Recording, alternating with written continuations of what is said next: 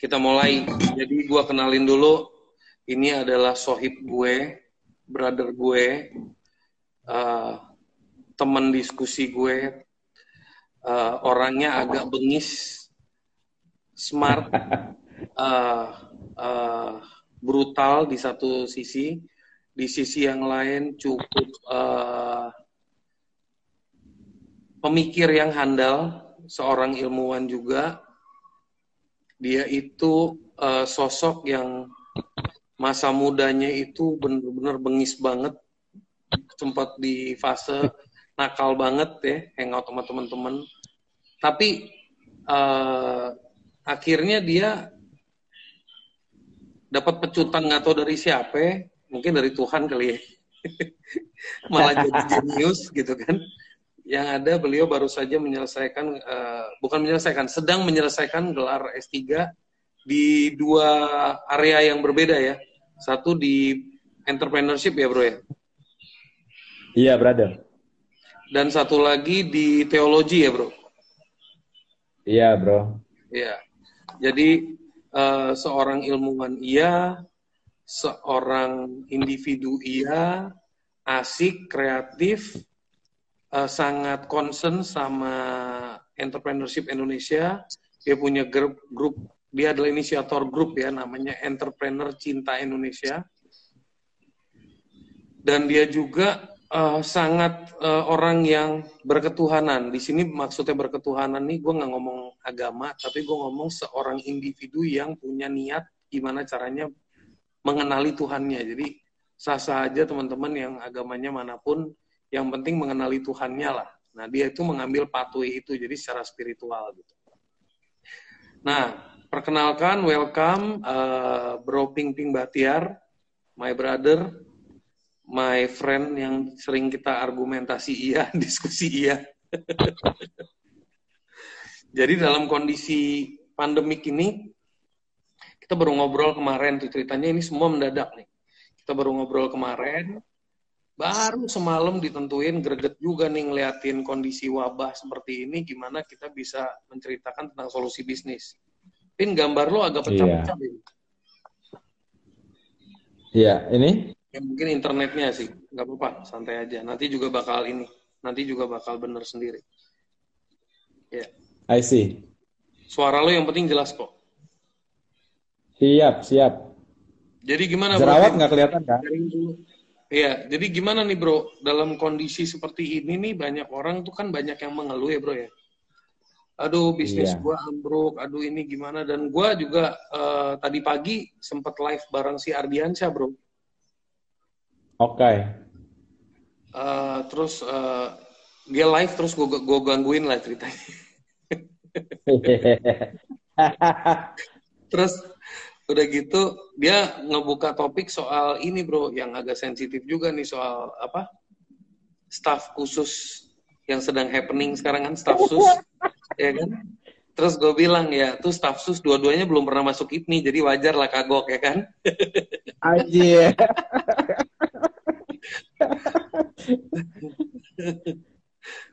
oke so uh, welcome Ruby Herman. Yes um, Ya bro, jadi menurut lo solusinya apa ya uh, buat uh, entrepreneurship buat teman-teman yang sedang berbisnis? Lu, lu, lu langsung nanyain solusi, lu kagak nanyain kabar gua kayak apa kayak? Oh, gue nanyain dulu kabar lo. Tadi udah gue nanya kan gimana kabar lo hari ini gimana? Oke, tunggu gue balik. Oh, iya, jangan oh, iya, langsung iya. to the point, jangan to the point. Oh, Kalau to the point kayaknya kayaknya kayaknya seru-serunya nanti bakal hilang. Jadi gini, lu selama masa Iya. pandemik ini, lu mendengarkan cerita-cerita apa dari teman-teman kita yang entrepreneur, keluh kesah apa yang mereka utarakan ke lu pada umumnya yang membuat lu merasa itu sebenarnya bukan keluh kesah tapi sebenarnya hanya eh, pola pikir yang salah aja. Iya, bro. Eh, ya, semua kita tahu lah situasi ini pasti memang akan menimbulkan keluhan. Cuman apakah keluhan itu hanya cukup di batin masing-masing atau terekspresikan? Jadi memang ada yang ngaku sih Tapi yang optimis juga cukup banyak, bahkan banyak banget. Ya walaupun kalau misalnya gue lagi juman sama mereka, kelihatan sih mukanya lemes. Tapi contoh ya kayak gue sama Bro Andi gitu kan, gue gue lagi ada gagasan-gagasan bikin apa sekolah properti gitu-gitu. Itu project yang keren banget segala macam dan mendatangkan antusias buat gue dia sama Bro Ali. Uh, itu keren banget tapi pas gua cuma nama dia ya kelihatan juga mukanya lemas jadi hmm. memang ya bicara sejauh mana kita ingin melihat atau mengeluhkan kondisi ya mungkin ada yang cukup dikeluhkan di batin tapi ada yang lebih terekspresikan tetapi yang optimis juga banyak banget sih bro oke okay. oke okay. termasuk Pak Pak Hermawan itu juga kita sama-sama tahu lah Pak Hermawan Kertajaya ya kan. Aku yeah. kebetulan tim, tim tim inti dia kan yeah. di berbagai kepengurusan yeah. uh, cukup dekat sama dia. Uh, Pak Hermawan sendiri juga kan memberikan paparan kan, mm-hmm. bagaimana melihat uh, kondisi uh, permasalahan yang ada. Beliau sendiri ternyata ngerumusinnya nggak ribet loh. Dia cuma merumuskan dengan tiga hal, namanya SPA. S-nya itu adalah survive, surviving. Oke. Okay. Surviving, tapi S-nya bermakna ganda nih. Surviving, surviving dan servicing. Artinya lu lu bertahan, tetapi di dalam bertahan jangan bingung juga. Lu mesti service, melakukan service kepada pasar lu. Tapi yang kedua SPA kan, yang kedua P. P preparing.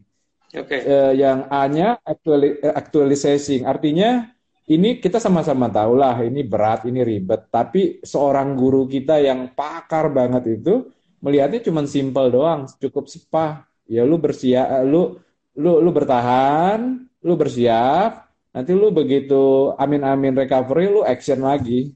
Hmm. Uh, itu buat gue insight yang gede banget sih.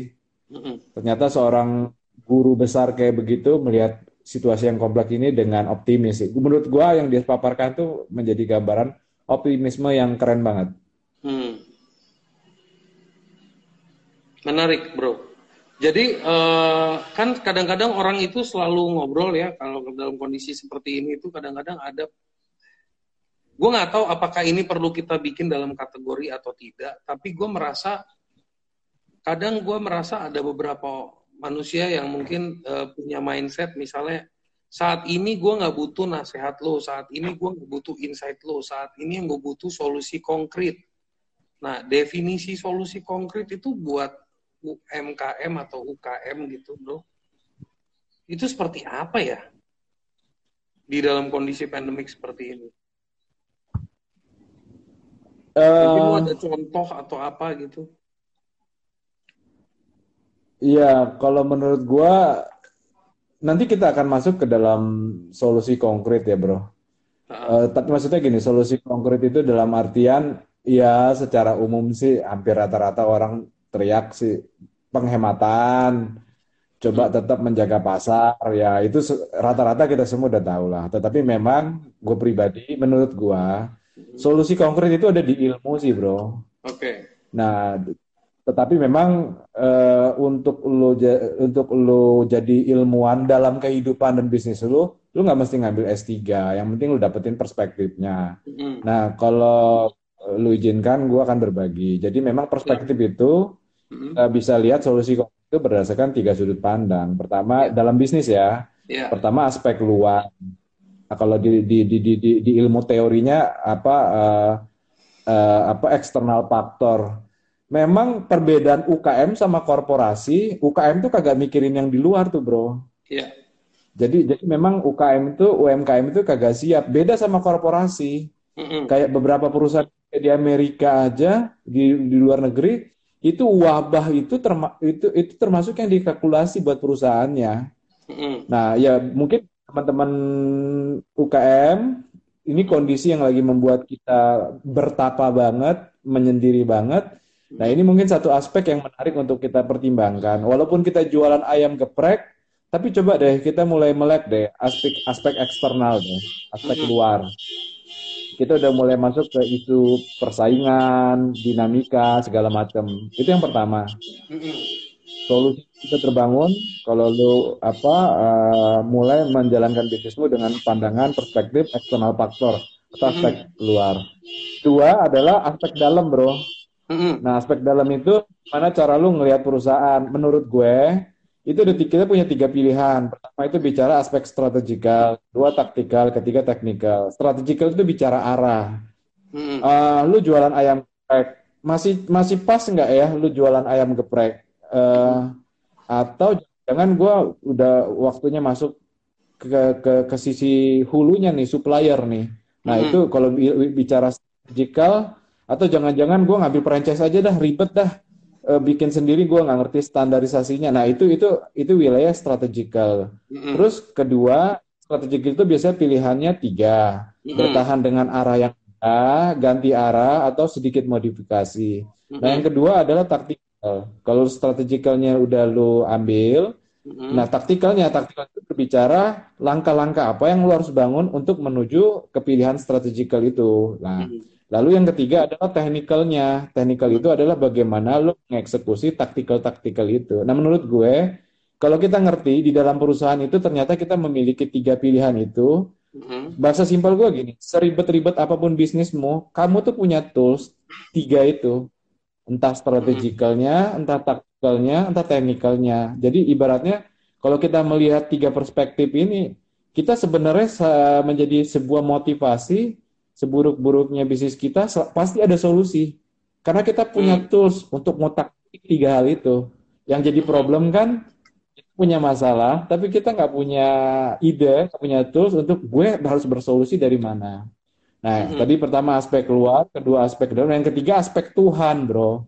Hmm. Nah, lu kalau udah keren di aspek luar, di aspek dalam, masih ada aspek Tuhan. Nah, aspek Tuhan ini berbicara tentang memang gimana lu bisa ikhlas sama bisnismu. Jadi, kalaupun lu mendadak bisnismu tembus satu triliun, lu tetap asik-asik aja. Hmm. Juga mendadak hari itu bisnis lu ambruk, lu juga asik-asik aja. Mm-hmm. Gue pernah rapat sama Pak ini bro, Pak Arif Yahya, Menteri mm-hmm. Menteri apa, pariwisata. Mm-hmm. Nah dia kan bukan sekedar soal menteri, dia kan yang yang ngebesarin Telkom kan dia tuh. Mm-hmm. Artinya memang ini uh, memang jagoan di bisnis. Dia bilang sama sama kita di forum itu, uh-huh. bisnis itu tergantung CEO-nya. Uh-huh. CEO-nya keren, bisnisnya keren. Hmm. Bisnisnya sekeren apa pun, tapi kalau CEO-nya membleh, bisnis itu juga pasti akan cenderung membleh. Jadi memang ya kembali kaitan ke aspek Tuhan, memang bisnis kita akan keren kalau kita mengembangkan diri sebagai spiritualitas. Artinya kalau kita homset kita mendadak leverage gede banget, kita asik-asik aja. Mendadak bisnis kita ambruk juga kita asik-asik aja. Karena kita punya tiga tools tadi. Utak-atik strategikalnya kah? Berubah dari jualan ayam geprek menjadi supplier ayam atau kita utak-atik taktikalnya kah atau kita utak-atik teknikalnya. Nah menurut aku sih selalu ada solusi bro. Iya. Kira-kira gambaran umumnya. Oke, nah itu teman-teman uh, barusan uh, kita masuk ke fase di mana kalimat terakhir yang paling gue suka adalah kita selalu harus ada solusi. Jadi itu adalah mental ya bro ya. Jadi sekarang kita masuk ke iya. fase di mana gue akan gali dari uh, mental block. Yeah apa sih yang lo lakuin iya. uh, pada saat lo nyampe ke satu titik di mana lo merasa lo mental lo keblok jadi kayak lo kayak gue nggak tahu nih gue harus ngapain apa sih kan menurut gue itu manusiawi banget ya namanya manusia pasti ngelewatin iya. masa itu gitu iya Ya kembali ke ke ke ke, ke core value masing-masing ya. Mm-hmm. Kalau buat gue, gue tuh akan kuat jika berbicara di dua hal ya. Pertama ilmu dan kedua produktivitas sih. Jadi menurut gue sepanjang ilmu itu bukan masalah lo ngambil S3 atau kagak ya, tapi ilmu itu berbicara gimana kemampuan kita berpikir memandang segala sesuatu. Jadi menurut gue sepanjang segala sesuatu mampu terilmukan oleh diri gue, gue akan merasa aman sih bro. Uh, tapi apakah semua area diri gue sudah beres dan terilmukan? Enggak juga sih. Ada wilayah-wilayah yang pas yang yang ketika hal itu muncul gue akan kecut gitu. Tetapi kalau bro tanya kenapa gue akan kuat jika gimana? Jika memang Aku terilmukan melihat segala sesuatu. Ilmu itu sekali lagi bukan masalah sesuatu yang tertulis di kampus, tapi kemampuan kita memahami sesuatu yang sedang terjadi. Yang kedua, gue akan kuat jika gue produktif, bro. Gue gue gue tuh paling stres kalau misalnya gue melihat diri gue satu hari nggak ngapa-ngapain. Itu asli okay. gue pasti udah kayak kayak orang pengen mati tuh. Gila nah. ya gue kagak ngapa-ngapain. Berarti lu Jadi udah gua, satu prinsip bahwa lu everyday itu lu harus punya result. Mau itu bentuknya apa kek, mau itu bentuknya lu cuman menulis sebuah uh, tulisan, makalah, ataupun lu melakukan sebuah perancangan, atau lu mikirin strategi, pokoknya you gotta do something. Baru lu merasa iya. you did something, ya kan? Tapi kalau seharian iya. lu cuma kerjanya mikirin terus, gue harus gimana ya? Terus Nah orang-orang yang misalnya pemikirannya kayak begitu tuh arahinnya gimana? How do you how do you arahin orang-orang seperti itu? Gitu.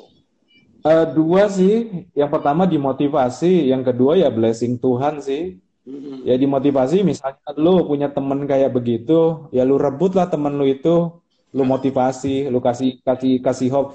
Dengan motivasi itu harapan mindsetnya switching. Nah, karena bukan masalah konsep bisnis yang bikin kita sukses, tapi isi pikiran kita, mindset kita. Lu lu lu nggak perlu ngerti ilmu bisnis apa-apa deh. Tapi kalau mindset lu bagus, lu pasti akan bergerak menuju ke sesuatu. Yang kedua memang blessing Tuhan sih, Bro. Benar pertanyaan lu menarik banget sih. Memang akhirnya kalau kita mau petakan secara tajam, ujung-ujungnya memang hanya ada dua kelompok itu saja sih. Orang yang optimis sekali terhadap hidupnya, sehingga walaupun langit runtuh, dia tetap uh, mempunyai arah pandangan ke depan. Ya kelompok kedua memang kelompok yang pesimis tadi. Secerah apa pun pelangi, dia tetap melihat itu gelap gitu loh. Akhirnya memang mappingnya secara tegas akan termapping kedua pola itu sih. Jadi memang secara tegas kita bukannya memblaming orang, tapi memang kita harus belajar menerima fakta bahwa gue mau di mana? Gue mau di track yang optimis atau pesimis, ya kan? Kalau iya. kalau gue banyak denial, gue di pesimis. Kalau gue banyak iya. uh, acceptance, menerima dan ready to accept, ready to open uh, for yeah. mendengarkan dan sebagainya, itu gue lebih ke optimis.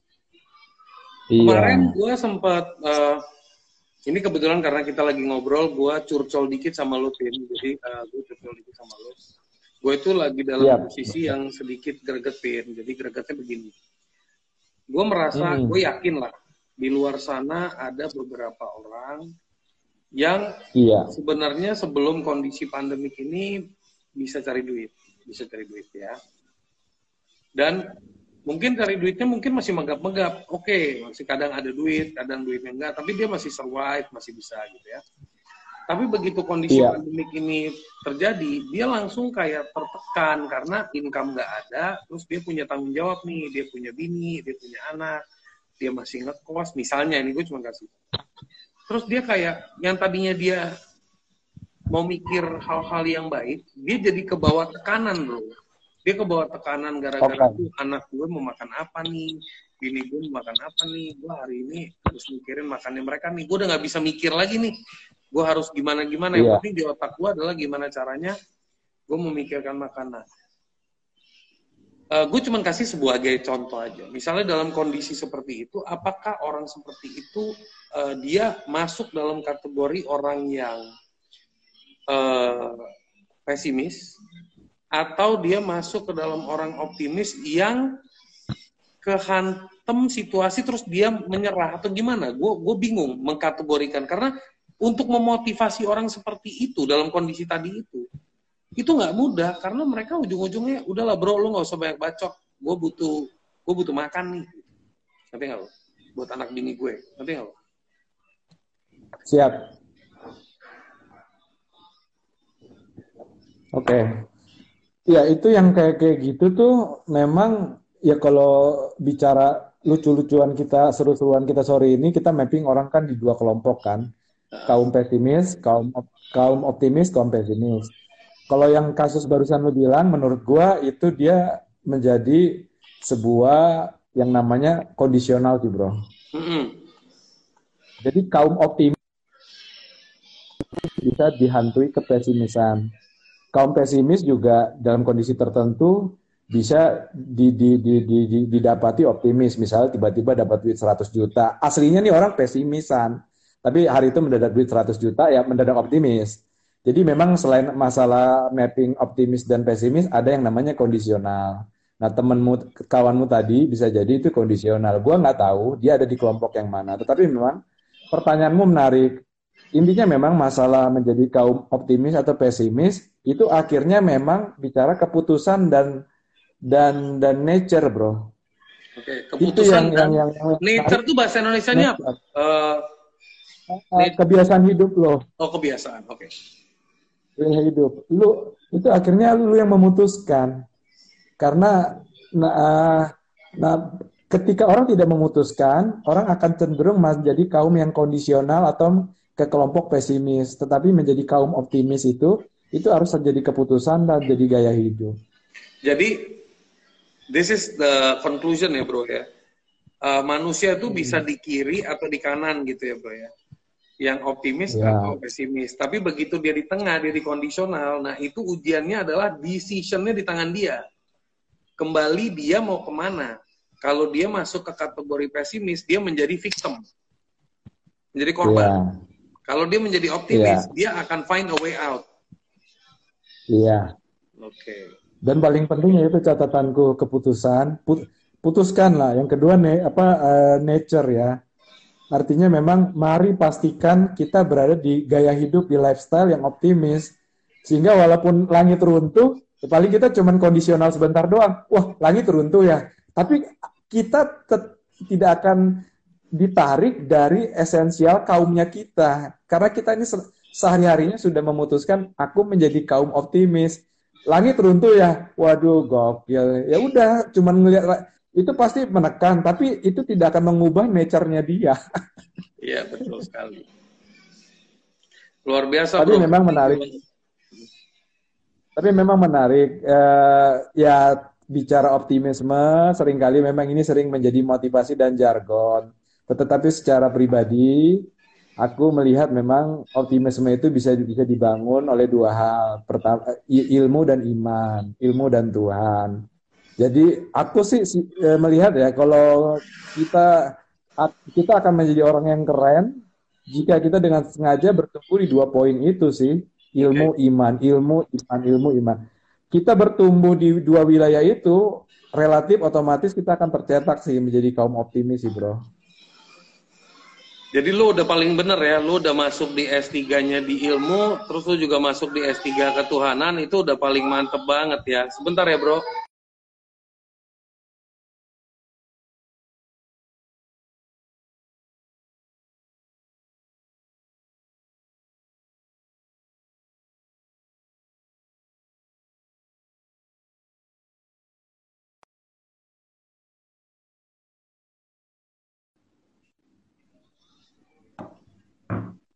Ya, bro. Iya, brotherku. Udah berarti udah bener tuh track lo ya. Ilmu dan iman. Jadi itu ada Coach Yudi Chandra, welcome. Bro Yudi, welcome. Gitu. Nah, ada Franz Budi Pranata tuh. Budi Exalora. Hey. Salam dulu Mas Dio. Ada Anta Ginting. Waduh bos kita, kalau Anta berarti bicara Citos tuh bro. Yo i. Yang rekaman TVRI. Kalau yeah. Frans Budi yang kita main ke mana tuh yang yang mantan kantor HIPMI tuh? Iya. Yeah. Iya. Yeah. Halo Salam bro Frans, bro. Ya. Oke. Okay. Ada Sakyang. Ini ada ada satu orang juga dia very optimis bro. Dia adalah seorang uh, dia uh, driver Grab, tapi dia itu sering sekali sharing, uh, bahkan dia sering nge-record kayak nge-vlog gitu tentang tentang penumpang-penumpangnya dan sebagainya. So kembali lagi choice of life-nya setiap orang sih ya. Ada Harry Avandi, thank you Harry Avandi, dia bilang top Bro Bin ya. Oke, okay, siap Bro Har. Jadi sekarang permasalahan ada di pihak ketiga nih Anta Ginting nih yang membuat kita harus mengambil keputusan situasional. Permasalahan iya, ada di pihak Anta. ketiga yang membuat kita harus mengambil keputusan situasional. Siap, siap Bro Anta. Nah pihak ketiga ini sopo pemerintah, kan nggak mungkin Tuhan ya nggak, jadi pasti pemerintah, ya kan? Kan gue bingung. Kalau Sekarang Tuhan wabah, iya makanya kan dibilang wabah, wabah diciptakan oleh Tuhan atau manusia. Gue pernah nanya sama orang, dijawab. Lah sekarang lu kalau punya anak itu campur tangannya Tuhan atau manusia? Kan dua-duanya gitu loh, nggak bisa enggak gitu kan. Jadi kalau nggak bisa simpel sesimpel itu. Iya makanya. Eh, gua gua gua boleh ngerespon Bro Anta. Silakan. Harus direspon iya, iya, ini menarik, kita itu. Ya. Nah, Bro Anta memang bisnisnya uh, tidak sesimpel yang kita bayangkan. Uh, yeah. Dia mau nggak salah puluhan ribu juga karyawan dia itu. Oh iya iya, dia kan Jadi outsource memang, kan? Iya, dia outsource. Ya. Jadi memang mungkin ya sedikit motivasi dari Prof Rian menurut gua ya. Jadi memang bisnis itu kan dia ada empat kuadran kan. Dari non non dari gue tahu gue tahu gue dan gue tahu mau ke mana. Yang kedua itu adalah gue tahu gue dan gue nggak tahu ke mana. Non to unknown. Yang ketiga adalah uh, unknown to non gue sebenarnya kagak ngerti mau ke mana nih tapi arahnya jelas. Tapi ada yang keempat adalah non to unknown. Gue sebenarnya kagak tahu mau ke mana dan eh, gue nggak tahu sebenarnya gue di mana dan gue kagak tahu mau ke mana Ya Prof Rian udah katakan, bisnis zaman sekarang pin, ini. Pin, pin, Lo ulang lagi tuh tadi empat itu. Ulang lagi, ulang, ulang, ulang, ulang. Non to non. Iya, gua tahu non gua di mana dan gua mau ke mana. Iya, terus okay. non to unknown. Terus unknown ya, to non to unknown itu gua tahu gua di mana tapi gua nggak tahu gua mau ke mana. Itu yang kedua. Iya. Iya. Yang ketiga. Gua, gua, yang, yang, yang ketiga itu unknown to known. Ya orang kebanyakan duit lah. Yeah. Nah, orang kebanyakan duit bikin perusahaan, misalnya ayam geprek, dia tahu tuh yang memakan ayam geprek banyak. Tapi apakah dia akan positioningnya mau nyaingin McD, mau nyaingin Bensu? Nah itu, mm -hmm. ya pokoknya gue punya banyak, gue buka lah misalnya salah satu contohnya gitu. Nah yang terakhir itu anon tuh anon. Nah Proprian kemarin dengan tegas bilang, di luar urusan corona ini aja, semua perusahaan besar itu selalu dalam sebuah skenario unknown to unknown. Ada distracting teknologi, ada ketidaksiapan perusahaan dan sebagainya. Ya maksud saya, ternyata sesulit apa pun problem kita saat ini, Bro Anta, ternyata di dunia ilmu sendiri itu udah udah didefinisikan bahwa ada kok pilihan kita unknown to unknown dan tren yang sekarang semua orang tuh sudah bergerak relatif di situ. Dan dan aku kan kemarin bikin acara bro sama sembilan pakar untuk ngasih motivasi. Yeah. bro juga yeah. mungkin itu uh, kita ada 7.613 yang nonton. Di situ tuh yang gue diberkati banget atau enggak bro? Ternyata hmm. apa? Bertahan itu adalah pilihan. Hmm. itu gue diberkati banget tuh. Salah satu highlighting yang gue dapat ternyata bertahan itu pilihan. Kalau di ilmu manajemen sendiri memang bertahan itu salah satu skenario yang kita pegang. Artinya ya ini motivasi buat kita. Walaupun bisnis kita uh, jelek banget sekarang ini, tinggal mental kita nih. Kita mau melihat bisnis kita jelek atau memang aku memutuskan bertahan. Ya kalau kemarin gue sharing sama temen gue, gue bilang, bro kalau gaji lu 2 juta biasanya bisa buat buat makan sebulan. Sekarang bro, lu mesti tanemin di otak lu 2 juta bisa makan tiga bulan nggak? Kalau lu bisa lakukan itu, lu kagak kalah bro. Justru lu menang. Menang yang bu, sifatnya bukan motivasional lagi. Menang yang sifatnya dia putuskan. Gue punya 2 juta, dan dengan 2 juta ini gue akan bertahan. Nah keren itu ya, tapi mungkin 2 juta kan urusan makan. Tapi kayak Bro Anta juga kompleksitasnya juga kompleks banget. Tapi ya, ya mudah-mudahan menginspirasi lah buat beliau. Iya. Bro Anta, keep strong Bro Anta. We pray for you, don't worry, you are a strong man. Semangat, brother Anta. Oke, terus uh, apa namanya? Ya itu teman-teman salah satu sahabat kita yang punya bisnis yang menghandle puluhan ribu karyawan uh, outsourcing.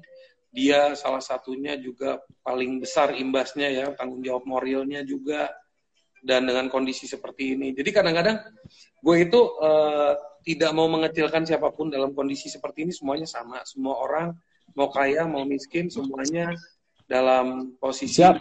ditantang semua Siap. ya tapi kalau kalau kita ngobrol-ngobrol begini kan kadang-kadang kita mikir gitu gile masalah gue mah cetek dibanding masalahnya si Anu si Anu si Anu gitu loh buat gue tuh kapan-kapan optimisme tuh munculnya karena di situ ngerti gak sih dibanding masalahnya si Anta bukan si Anta doang maksudnya si Anu si Anu si Anu kan kita nggak tahu bro ya jadi hmm. uh, kalau ngomongin Anta di publik begini namanya ngegibah bro nggak boleh bro siap, Jadi, siap, siap. Enggak, enggak maksud saya. Iya, iya, gue tahu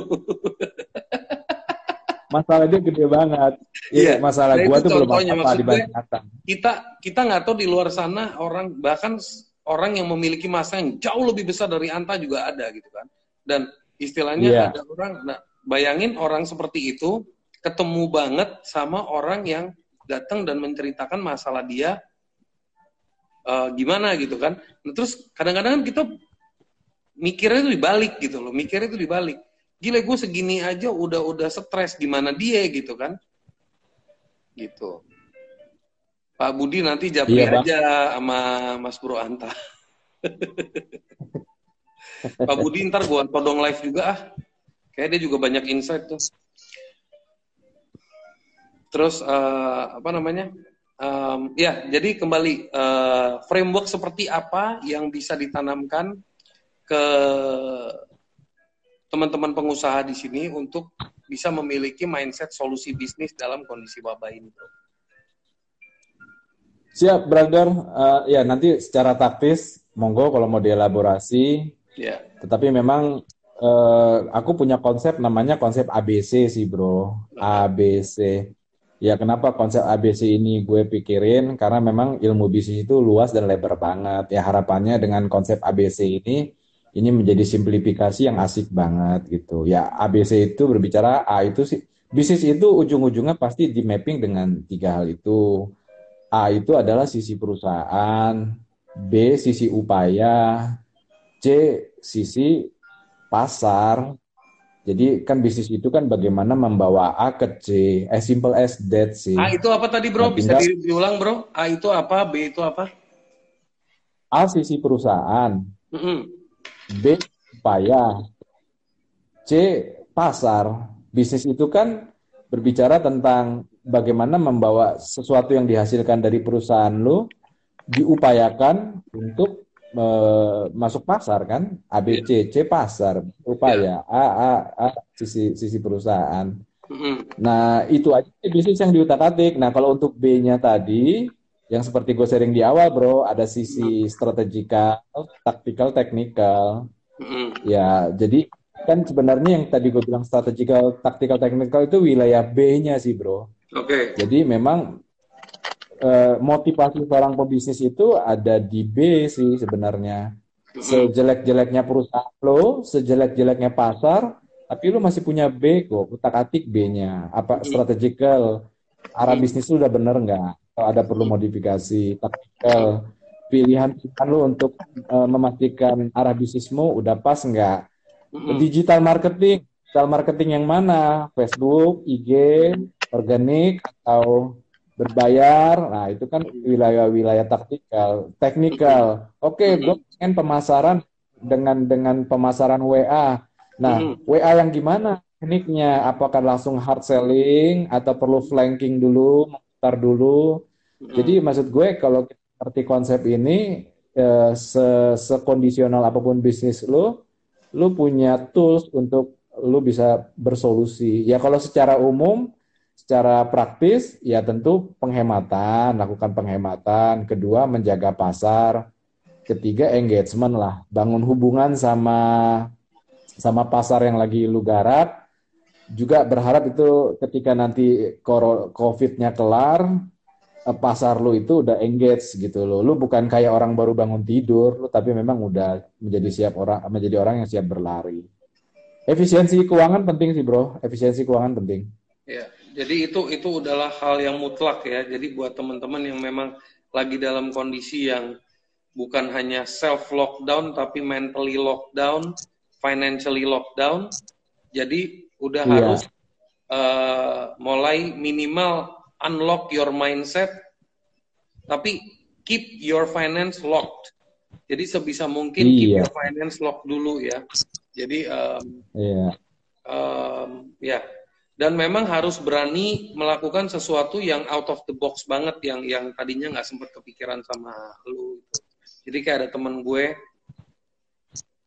dia itu sempat uh, eh, drop di bisnis bisnis dropshipnya ya, bisnis dropshipnya itu jatuh, dropshipper dia. Iya. Terus akhirnya iya. dia uh, dia mikir gimana caranya gue mencoba menawarkan jasa ke teman-teman yang baru mau mulai dropshipping nih Iya. Yang ajarin nih gitu. Nah, iya. itu juga bisa membuka peluang baru. Cuman masalahnya kalau kita semuanya maunya instan, nah, iya.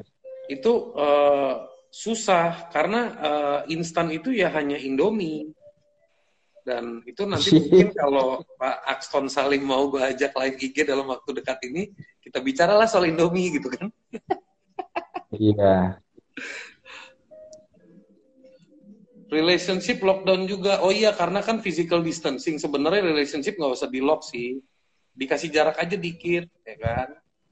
Ya paling kalau pacar lagi kangen kirim aja lah GoFood, ya kan? Kirim kopi, itu kan membantu ekonomi. Oke okay, guys, kita masuk ke sesi tanya jawab. Ayo guys, kita bor nih kepalanya Pinpin nih. Sebelum itu gue cuma mau bilang sama lo orang, setuju nggak kalau gue bikin seminar bareng Pimpin ngomongin lebih in-depth lagi soal entrepreneurship. Yang setuju nanti jawab setuju, setuju, setuju, setuju gitu kan. Iya, gue setuju nih. Ya, gue juga setuju. Lo sih bakal gue todong bro, habis lo tenang bro.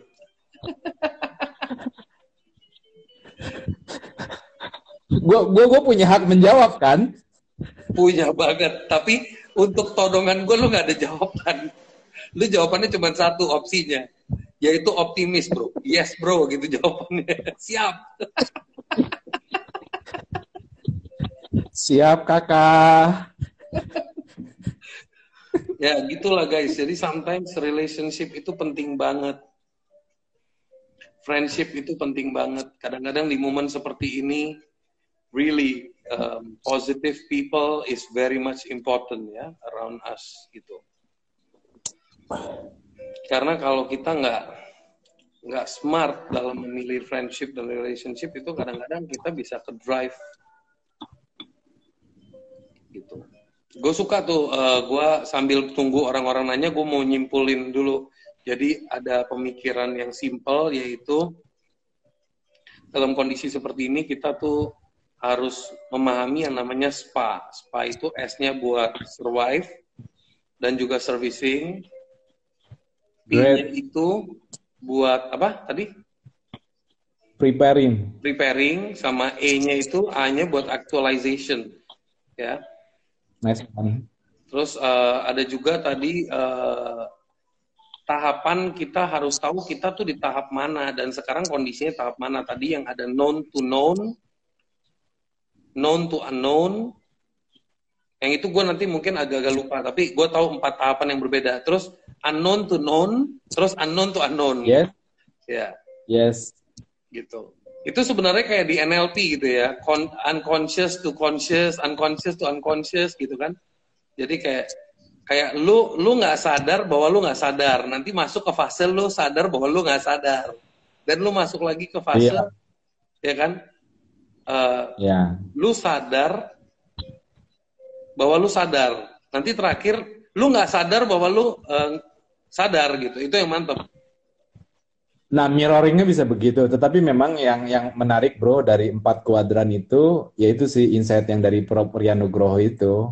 Mm-hmm. Ayolah, kita mau strong, ya suka tidak suka, udah pilih kuadran keempat aja deh. Mm-hmm. Anon tuh. Ya kita bersyukur ada peluang melakukan bisnis tapi jangan merasa udah seneng sih selalu ya kalau kalau siapa Steve Jobs bilang ya always apa tuh always, always stay hungry always, always stay hungry ya yeah. nah, gitu ya, betul Uh, kemarin gue sempat ngobrol bareng sama nyokap gue. Nyokap gue tuh selalu punya pertanyaan ya. Uh, iya. Dia, kan dia suka kadang-kadang jarang duduk sama gue gitu. Begitu dia duduk sama gue dia bakal tanya gini, Are you happy? Are you happy? Dia selalu wow. nanya gitu. Dan gue tuh wow. jawabnya bro. Karena gue bilang mau, gue nggak mungkin bilang everyday I'm happy because gue nggak mau jadi orang yang happy. Bro.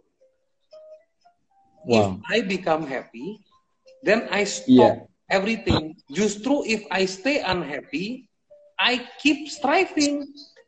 Tapi yeah, exactly. I am happy with what is happening in my life. Artinya uh, happy-nya nyokap gue sama maksudnya dari pemikiran orang tua gitu kan. Dia ngelihat anaknya tuh kayak dalam kondisi work from home kok kerjanya lebih kayak lagi lebih gila lagi gitu dibanding sehari-hari. Udah sehari-harinya gila ini lebih gila lagi gitu kan. Padahal kan di rumah gitu. Tapi iya. Um, cuman gue bilang this is the moment di mana gue kayak dia kan uh, jadi kayak ngezoom ya bro ya Iya. Jadi gue bilang membayangin lu punya momen nih sekarang di mana lu bisa banyak belajar tentang teknologi, lu bisa banyak baca, lu bisa banyak ini. Jadi momen seperti ini momen yang berharga ya kan?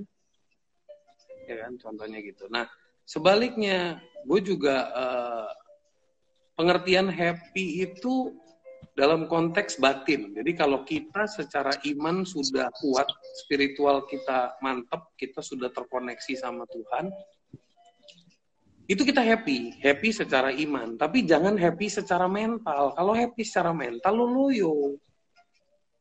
Wow, gitu. wow, brother. Hmm. Jadi uh, happiness is from inside. Jadi jangan dibikin di kepala gitu. Go deep inside. Bersyukur ya. Bersyukur itu kan kita membuat kita happy. Happy secara iman bukan happy secara apa tadi? Mental. Oke, okay, oke, okay, oke. Okay. Jadi wow. kalau happy, secara, secara iman, iman itu kan mental, Iya, kalau happy secara iman itu kan ya paling gampang gini deh. Waktu gue ngobrol sama sepupu-sepupu gue, ada yang bilang, ah, anjrit nih hujan mulu nih. Ini kapan coronanya bakal hilang nih? Kalau panas mulu kan lebih cepat tuh wabahnya gitu kan. Gue bilang lu bersyukur men karena hujan itu nikmat semua itu nikmat. Lu bayangin sekarang lu lihat langitnya lebih biru.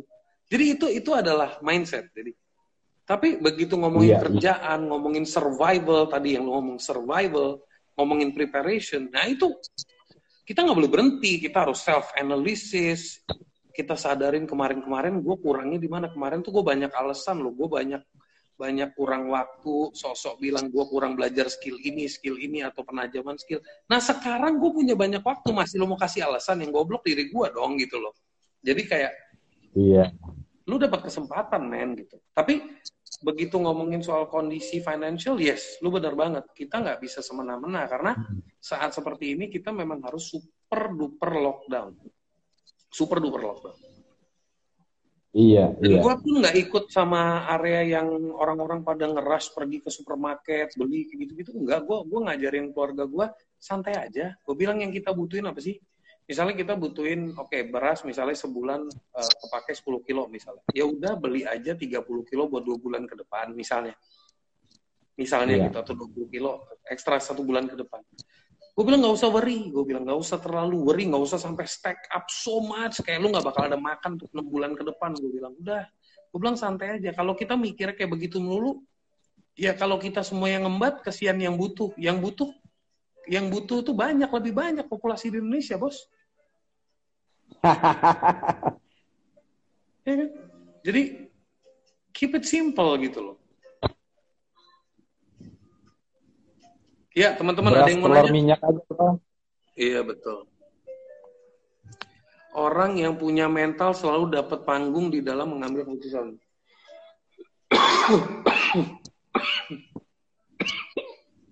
Gimana caranya ngebuildnya Mas Pintin?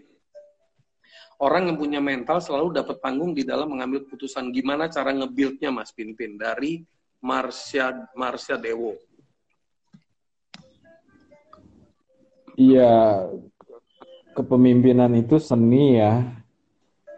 Uh, mungkin salah satu kekuatan kita apa ya genuinitas ya, originalitas kita ya. Gue pernah baca bukunya Larry King tuh. Dia bilang di pengadilan di Amerika itu kan ada 12 orang kan juri-jurinya. semua orang ngomong canggih-canggih, tapi giran ada satu salah satu juri itu nenek-nenek yang ngomong, semua orang dengerin. Karena memang semua orang itu bisa ngerasain nih orang ngomong dari hati sih. Jadi memang hmm. buat gue originalitas itu nomor satu sih, itu yang akan membentuk kepemimpinan kita. Semua orang juga tahu lah eh, si pimpin itu jagonya di sini, ngaconya di sini gitu. Enggak, Tetapi, cuma gue doang eh, yang tahu. Yang ngaconya cuma gue doang yang tahu. Iya. Itu nanti buat sesi tiga tuh, bro. Sisi-sisi kacau dari si Anu. ya, jadi memang originalitas itu itulah kekuatan kepemimpinan yang terbaik. Selain nanti kita belajar konsep kepemimpinan, skill kepemimpinan, tools. Karena bicara tadi kan si bro yang bertanya ini kan bicara mentalitas menjadi dorongan bagi panggung kan. Kita butuh panggung. Panggung dalam tanda petik otoritas untuk mempengaruhi kan. Nah, iya originalitas itulah. Kalau originalitas kita bangun, kita aslinya siapa, kita aslinya baik sama Tuhan, baik sama sesama, baru kita belajar ilmunya kan, ilmu kepemimpinan apa, teknik kepemimpinan gimana. Banyak orang nggak punya ilmu kepemimpinan, nggak punya teknik, tapi orang itu original, publik, teman-teman yang di sekitarnya memberikan panggung kok untuk dia berotoritas memimpin. The power of originality menurut gue. Iya. Itu uh, mungkin teman-teman bisa juga uh, baca buku namanya Originals by Adam Grant I see. Itu, itu bagus banget bukunya teman-teman. Uh, Adam Grant, A D A M G R A N T. Adam Grant, mm. bukunya Originals. Mm. Itu bukunya bagus banget. Itu ngajarin mm. banget how to how to stay original ya, how to be authentic. Nah, kebanyakan wow. memang kalau ngomongin original itu kan kita sekarang uh, masuk ke dalam mas share live-nya ya di tempat saya lagi ada gangguan. Oke, okay, siap Marsha Dewo. Semoga jawaban Mas Pinpin uh, cukup mengakomodir pertanyaan Marsha Dewo. Siap, Pak. Terus uh, ya, jadi uh, gue ada sahabat nih, gue gue singkatnya gini deh. Sahabat gue ini sebenarnya orangnya pinter banget dia di Australia, dia leader. Dia di bawah dia ada dua ribuan programmer tuh. Berarti dia tuh udah leader banget ya. Wow, udah wow. Jadi perusahaan itu udah istilahnya udah tangan kanan bosnya lah ya. Udah hampir 10 tahun. Iya. Tapi dia di fase di mana dia bisa ngobrol sama gua. Terus dia dalam kondisi pandemik ini itu tadi unknown to unknown. Jadi dia mengambil misalnya personality test dan sebagainya. Gue tanya motif lo apa? Gue tanya motifnya. Dia bilang gue pengen tahu karir hmm. gue karir yang cocok buat gue apa gitu kan. Nah Terus gue bilang, pada saat lu ngambil tes itu, lu sebenarnya waktu ngambil tes itu udah ada satu pengadilan di dalam diri lu sendiri yang udah bikin judgment. Hmm. Jadi pada saat lu ngisi pertanyaan-pertanyaan itu, are you detail or not? Dia jawabnya, wah, padahal sih gue nggak detail, tapi gue tulis detail lah biar hasilnya keren. Nah gue bilang, lu aja ngambil tes buat diri lu aja lu udah ngibul, gimana lu mau bener gitu. Artinya lu buat menerima diri lu sendiri aja butuh proses. Gitu kan. Being yeah. original is not easy. Being original itu adalah sebuah proses. Dan yang bisa membuat kita kuat, kembali lagi bro, itu adalah ilmu. Hmm. Kembali lagi, ilmu dengan kekuatan iman bro. Jadi kalau iman lu udah no judgment, that's me. Kayak lu sama gue, Ben, that's me. Fuck the world, gitu kan. Udah cuek aja gitu kan. Wow. Jadi ya udah.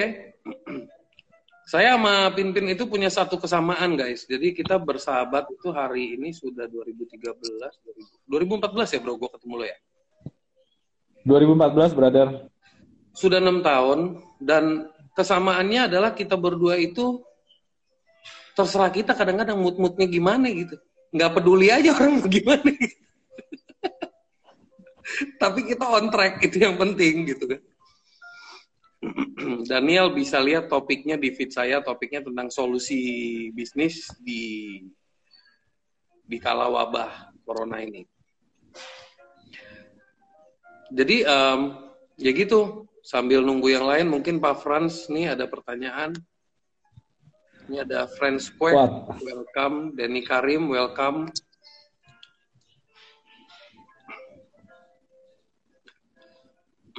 gini lah bro kalau live IG kayak gini-gini. Ngomongnya nyantai. Kayak kayak lu mau gue biasa ngopi aja kayak gini.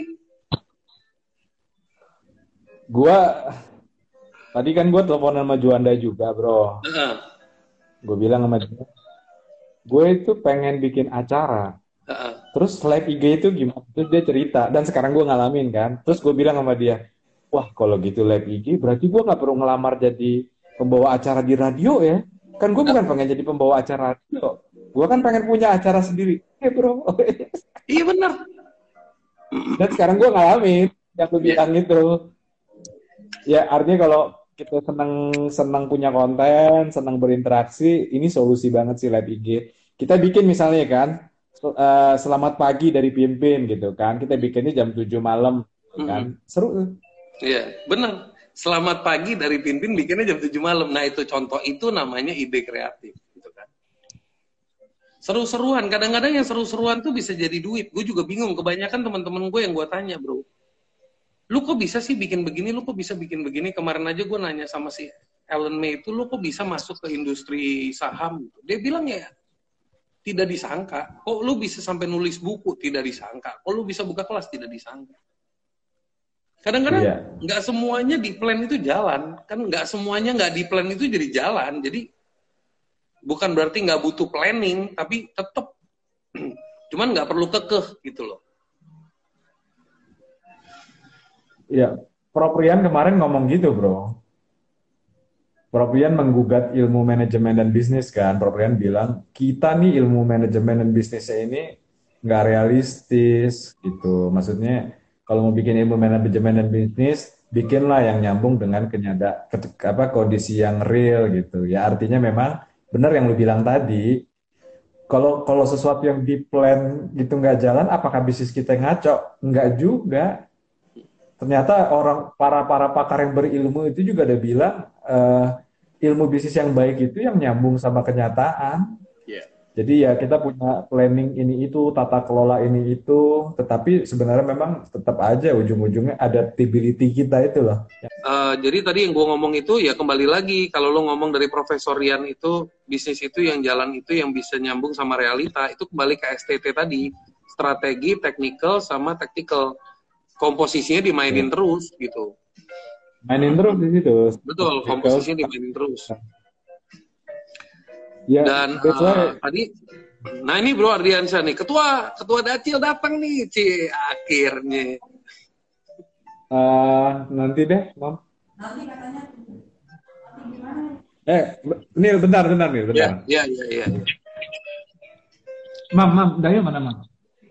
Mam, yang ngasih tahu aku lagi siaran, ngasih tahu Daya aku tahu kamu.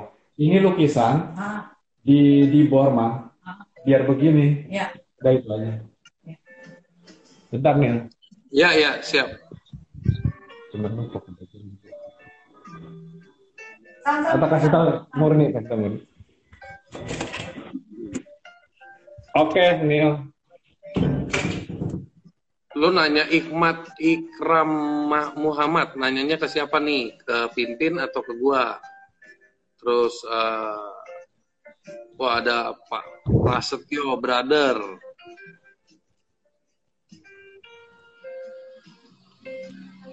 Welcome, welcome. Ya, tadi ada pertanyaan dari Pak Frans itu dia nanyanya itu uh, dalam kondisi seperti ini Sogo sama Plaza Indonesia tuh Sogo sama oh Sogo sama Sarina gimana mereka survive-nya? Gue barusan mau japri dia, jangan-jangan lu konsultan, ntar kalau gue kasih jawaban lu jawabin, ntar gue gak dapet duit. nggak, nggak bercanda, bercanda.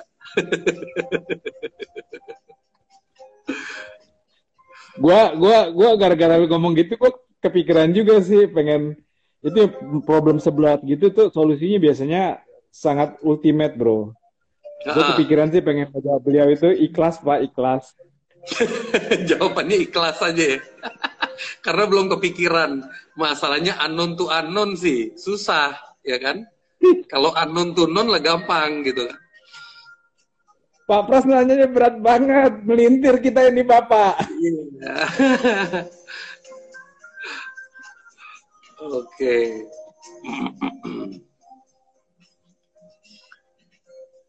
Terus uh, barusan ya, ya nunggu teman-teman yang lain.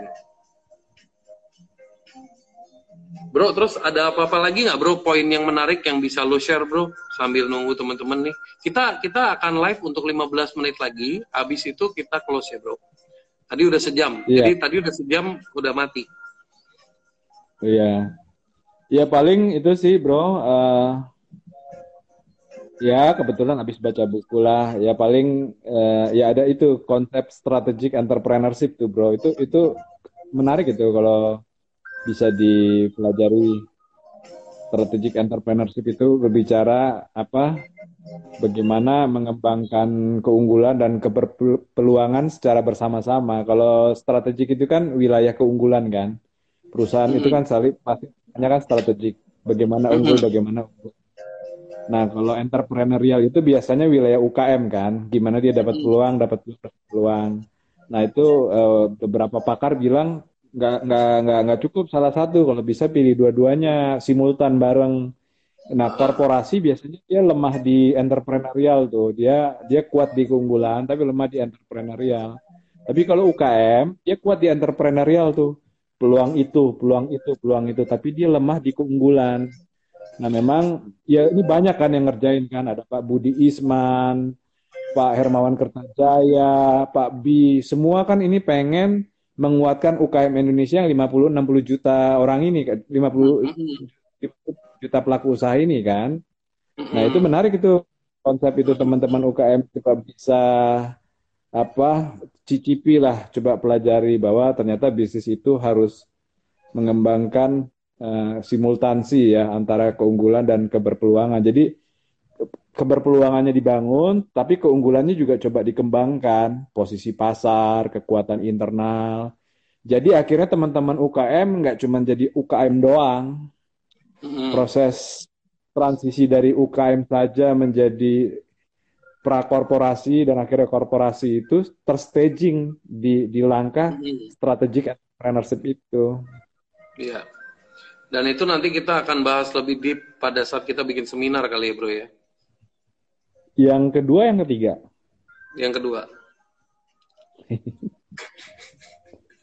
Kalau yang ketiga masalah ngaconya lu janganlah. Itu jangan dibikin seminar. Itu antara lu sama gua aja. Oh iya iya iya. iya.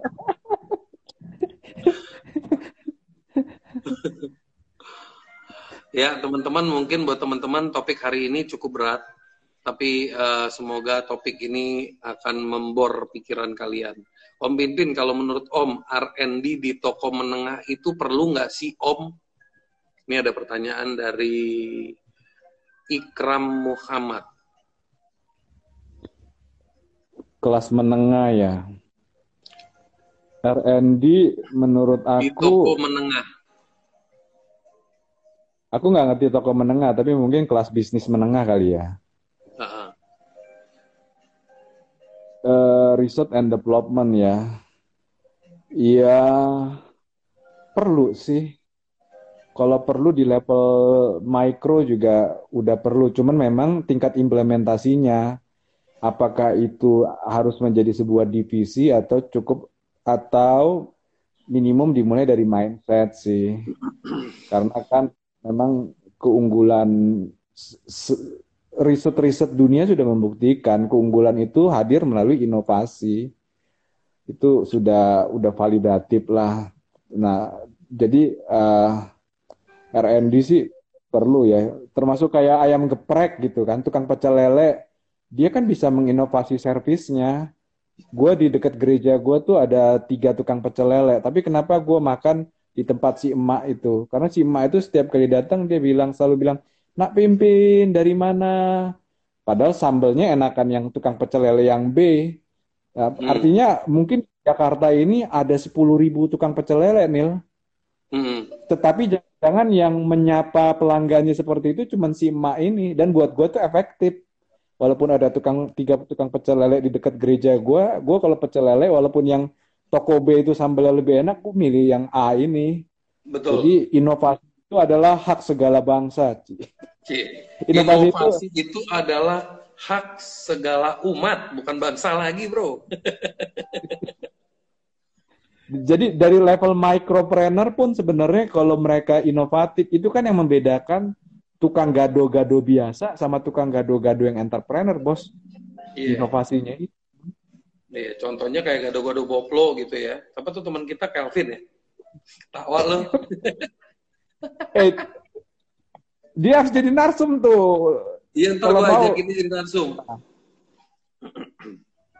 Dia Kalau lu ngomong gado-gado, gue jadi ingat dia ada Bro Paulus hmm. nih, welcome Bro Paulus, salam inovasi. Cie. ah ini. Ini gue akan, eh, ngomong akan gali inovasi tuh sama dia tuh dalam waktu dekat minggu depan gue akan todong dia nih sama gue nih. Live. Wajib lah, wajib. Eh, ini ngomong-ngomong Bro Paulus, ini aku kan waktu itu ketemu Bro Paulus, dia kan yang nge-leader, yang nge-leading tuh event kita di Puspitek tuh Bro. Betul, Terus betul. dia bilang, Bro Paulus bilang, Ibro pimpin temannya Bronil ya? Iya. Lu lu kenal Bronil itu teman gue. Gue bilang ya udahlah, nggak perlu banyak hal kita perkatakan. Sudah pasti nyambung kita. Gue bilang gitu. Tapi gue kembali ingat. Ini Bro Paulus ini yang kita ketemu di sate sate itu bukan Bro? Sate apa tuh? Yang di Menteng tuh Bro? Iya iya iya betul betul. Iya gue jadi pernah ketemu. Hai Bro Paulus ya jadi uh, jawabannya tadi Mas Ikram ya.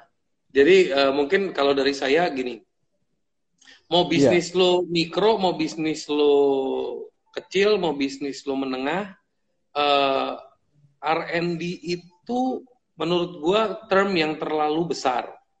Tapi mungkin yang lo perlu lakuin adalah dalam sebulan itu lo harus ada satu hari yang lo alokasi dalam seminggu lah satu hari yang lo hmm. alokasi itu untuk uh, lebih ke memiliki spirit untuk uh, menganalisa data, menganalisa data, menganalisa informasi, dan itu bisa membantu merencanakan sebuah inovasi buat lo.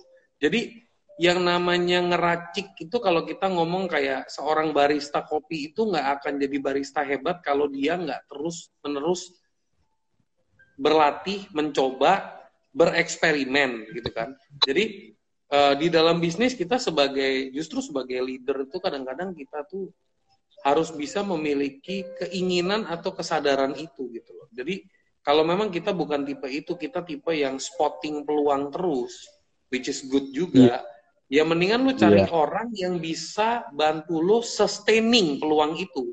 Jadi ada orang yang jago spotting, ada orang yang jago sustain. Jadi eh, kadang-kadang kita suka mau ngelakuin dua-duanya, kadang-kadang kita nggak bisa ngelakuin dua-duanya. Gitu. Iya. Oke okay guys, uh, Pin, ini udah jam 6 kurang 10. Thank you so much, ya, bro. Nggak kerasa iya. udah hampir satu setengah jam. Uh, thank you buat hmm. waktunya, Pin. Uh, gue seneng banget ya setidaknya di gue sama Pimpin itu kalau mau janjian tuh ketemu tuh mungkin setahun kali ya setahun sekali tapi kalau teleponan sering ya kan cuman karena WFH ini kita jadi bisa berkomunikasi secara cepat dan dekat dan um, ya yeah, thank you uh, very insightful bro very insightful sharingan bro um, gue akan bikin lah satu acara dalam waktu dekat buat teman-teman. Jadi gue gabungin lah beberapa narasumber ini. Semoga bisa menjadi sebuah kayak apa ya pegangan lah tiap kali mereka lupa tuh mereka tinggal nonton gitu loh. Jadi kayak trigger, trigger buat teman-teman gitu. Sometimes kita harus play role-nya sebagai reminder sih. Iya. Siap Ketua Dacil, wah mantap dua bos keren, keep sharing guys Ketua Dacil keren. Lu juga harus bos Dacil.